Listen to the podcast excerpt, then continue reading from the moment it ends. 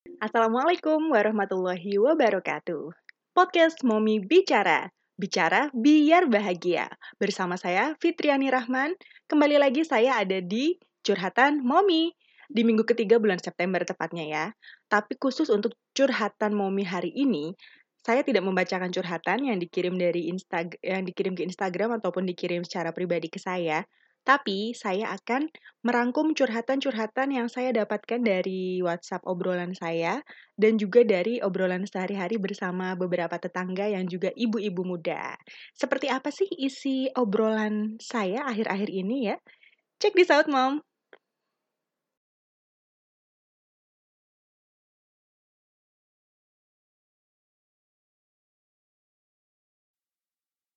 So, Momi, kita sama-sama tahu bahwa Indonesia masih dalam kondisi pandemi.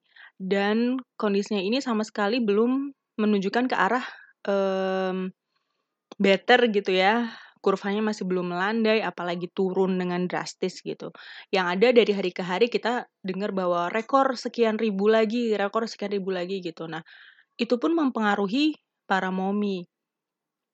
Tanpa disadari, uh, mungkin jarang orang bertanya kepada seorang ibu, uh, "Are you okay? Apa kamu baik-baik saja?" Karena mostly dianggap, hmm, seorang ibu tahulah ya harus ngapain gitu. Padahal kenyataannya, ya kita juga punya kekhawatiran, kita juga punya pikiran, namanya juga manusia ya, Mom, ya. Jadi, kekhawatiran-kekhawatiran Momi itu banyak sekali yang saya dengar di sekitar saya. Kayak misal, uh, tetangga saya, dia terpaksa resign karena pembantunya harus dia pulangkan. Karena apa? Karena pandemi ini. Pembantunya sempat sakit dan orang tuanya bilang, "Udah nggak usah pakai pembantu lagi, takut anak-anaknya yang masih kecil itu ketularan." Jadi dia terpaksa resign. Setelah resign mau nggak mau, uh, harus dia kan yang ngurus rumah semuanya dan bahkan dia juga harus mengurus kedua orang tuanya karena rumah mereka berdekatan. Hmm, anak-anaknya masih kecil, di bawah umur lima tahun semua. Dan dia bilang salah satu hal yang bikin dia sempat sedih adalah ketika suaminya terpaksa WFH karena pandemi ini. Dia jadi sering bersih tegang sama suami karena suami ngerasa kok kamu nggak santai banget sih ngurus anaknya gitu. Sementara dia berpikir, loh memang ya begini tiap hari aku ngurusin anak, kamu nggak pernah ngeliat aja karena kamu di kantor. Tapi sekarang kamu di rumah dari pagi sampai malam, kamu lihat gimana saya ngurusin anak gitu. Dulu mungkin kamu di kantor, uh, dan saya juga ngantor, saya taunya rumah rapi bersih. Tapi ketika saya akhirnya harus resign duluan, terus kemudian lanjut kamu uh, harus WFH, akhirnya kita semua ngeliat kenyataan bahwa oh gitu. Jadi ternyata ngurus rumah dan ngurus anak itu nggak selalu rapi, nggak selalu beres, nggak selalu baik-baik aja gitu. Ada naik turunnya pasti, pasti banget. Bangun pagi, nggak selalu anak-anak itu dengan senyum ceria, dengan dengan baik-baik aja bangun. Kadang bangun tiba-tiba udah langsung nangis, nggak jelas maunya apa. Terus kan kadang suami langsung berangkat kantor aja gitu kan, belum tentu langsung bantuin kata dia. Tapi ketika WFH ya ngelihat bahwa oh ternyata susah banget ya. Kadang anak uh, ribet nggak mau makan gitu. Padahal si ibunya udah mau ngerjain beresin yang lain mungkin cucian piring atau mungkin ngerjain pekerjaan rumah yang lain. Atau bahkan sekedar istirahat aja mungkin belum. Kadang si ibu sarapannya telat karena mendahulukan semuanya harus udah sarapan dulu. Terus ketika siang si anak udah jamnya makan tidur dan rewel uh, mungkin selama misal suami suami dia di kantor uh, suaminya mikir everything is fine gitu. Tapi ternyata ketika siang menjelang waktu makan siang terus menjelang waktu tidur itu kadang anak-anak bisa bener-bener rewel yang yang nyebelin banget lah. Bukannya nggak sayang ya sama anak-anak saya pun ngerasain. Makanya ketika dia curhat sama saya sambil ngomong anak sambil nyuapin anak yang masih di stroller anak satu lagi lagi sepedaan um, iya mbak aku ngerti kok gitu sabar ya habis resign langsung disuruh ngurusin dua rumah sekaligus yaitu rumah tangganya sendiri dan juga rumah tangga orang tuanya. Um, stressful tapi so far dia bisa menjalaninya walaupun ya dia mikir oh, kenapa sih suamiku harus marah sama aku gara-gara aku ngurusin anaknya kadang sambil ngomel lah sambil marah? Padahal kan aku tiap hari ya begitu bukan karena aku nyari perhatian dari suami bukan berarti aku minta uh, atau nyindir-nyindir minta dibantuin ya enggak emang aku kayak gitu aja setiap harinya sebenarnya gitu. Apalagi sekarang ditambah aku nggak punya yang bantuin jadi kan kerasa banget kata dia gitu. Yes I can understand itu salah satu curhatannya. Terus ada lagi curhatan tentang ya ampun gue tuh stres banget harus ngajarin anak di sekolah Islam. Hafalannya itu loh hafalannya gitu. Terus pelajaran-pelajaran yang gue dulu tuh nggak belajar kayak gini gue masukin anak di sekolah Islam tuh maksudnya supaya anak-anak tuh keagamannya itu lebih baik daripada gue. Tapi ternyata mana gue tahu ya gue harus disuruh jadi guru gara-gara pandemi gitu dan harus ngajarin hal-hal yang sebenarnya orang tua selama ini ngarepinnya ah ada guru di sekolah yang bakal ngajarin gue nggak bisa juga nggak apa-apa guru yang ngajarin. Saya pun saya pun berpikir seperti itu. Uh, anak saya dari TK sampai sekarang SD masuk ke sekolah Islam. Nah si yang cerita ini juga sama uh, di sekolah Islam TK, SD, dan juga ada yang curhat yang masih TK gitu. Namanya sekolah Islam, pasti kan ada kurikulum yang berbeda ya sama sekolah negeri atau sekolah biasa. Salah satunya uh, tentang hafalan surat-surat pendek atau hafalan hadis, hafalan doa-doa. Nah kadang sebagai orang tua pun kita nggak selalu uh, sudah hafal banyak, apalagi mungkin doa-doa sehari-hari ya satu dua tiga gitulah sudah biasa gitu kayak doa bangun tidur, doa sebelum makan gitu-gitu kan doa untuk kedua orang tua. Tapi ketika mulai kayak hadis, terus uh, hafalan surat-surat kan nggak semua orang tua siap ya, apalagi orang tua yang menyekolahkan anaknya di sekolah Islam dan masih ditarget untuk uh, targetnya seperti seperti keadaan biasa bukan keadaan pandemi. Kayak kayak misal dalam satu semester harus hafal sekian surat atau dalam satu semester harus harus hafal sekian hadis gitu. Ketika di masa biasa bukan pandemi atau yang ngajarin gurunya itu kan mungkin anak-anak termotivasi karena banyak teman diajarin gurunya mereka nurut mereka terkondisikan bahwa belajar di sekolah. Tapi ketika pandemi mereka belajarnya di rumah dan mereka yang ngajarin orang tuanya sendiri terutama ibunya sendiri You know ya, Mam, kita semua sama-sama tahu sebagai seorang ibu, kadang anak-anak itu lebih nurut ketika yang ngajarin orang lain. Bener nggak, Mam? Kalau saya salah ya nggak apa-apa ya. Saya yakin masih ada yang lain yang sama seperti saya. Ibu-ibu kan banyak ya macamnya ya. Dan um, rasanya itu kayak uh, yang harus diajarin bukan cuma si anak yang sekolah ini aja, bahkan ada adiknya juga yang perlu perhatian.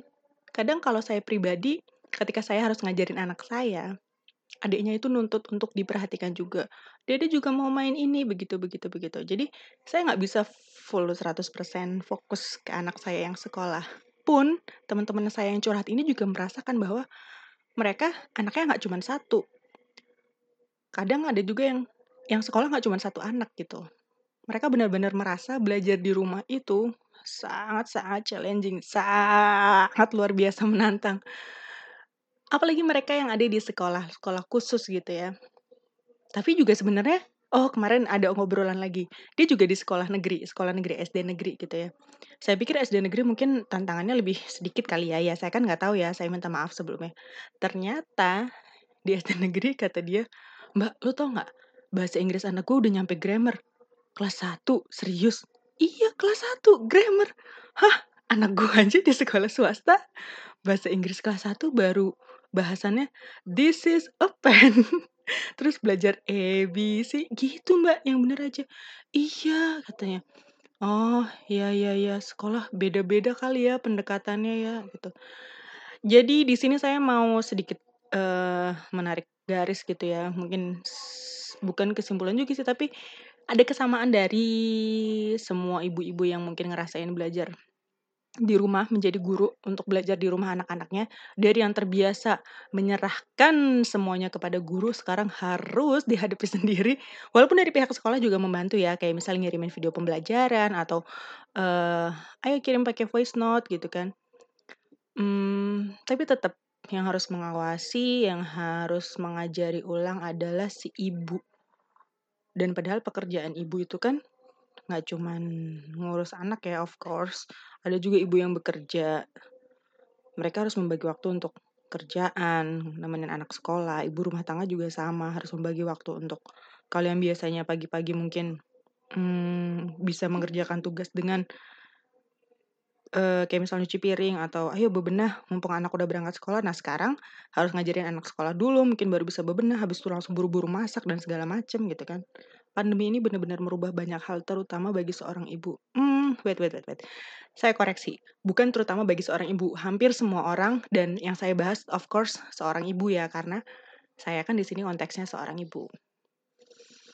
Hmm, banyak hal yang terjadi yang dialami sama para ibu-ibu ini selama pandemi, terlepas dari urusan sekolah lah, terlepas dari terpaksa resign jadi nggak ada yang bantu, terus kemudian juga ternyata tiba-tiba suami harus di-cut gajinya, tiba-tiba harus kehilangan pendapatan sekian-sekian, jadi nggak ada bonus lagi atau apa. Hmm, banyak sekali Banyak sekali hal yang dihadapi oleh seorang ibu.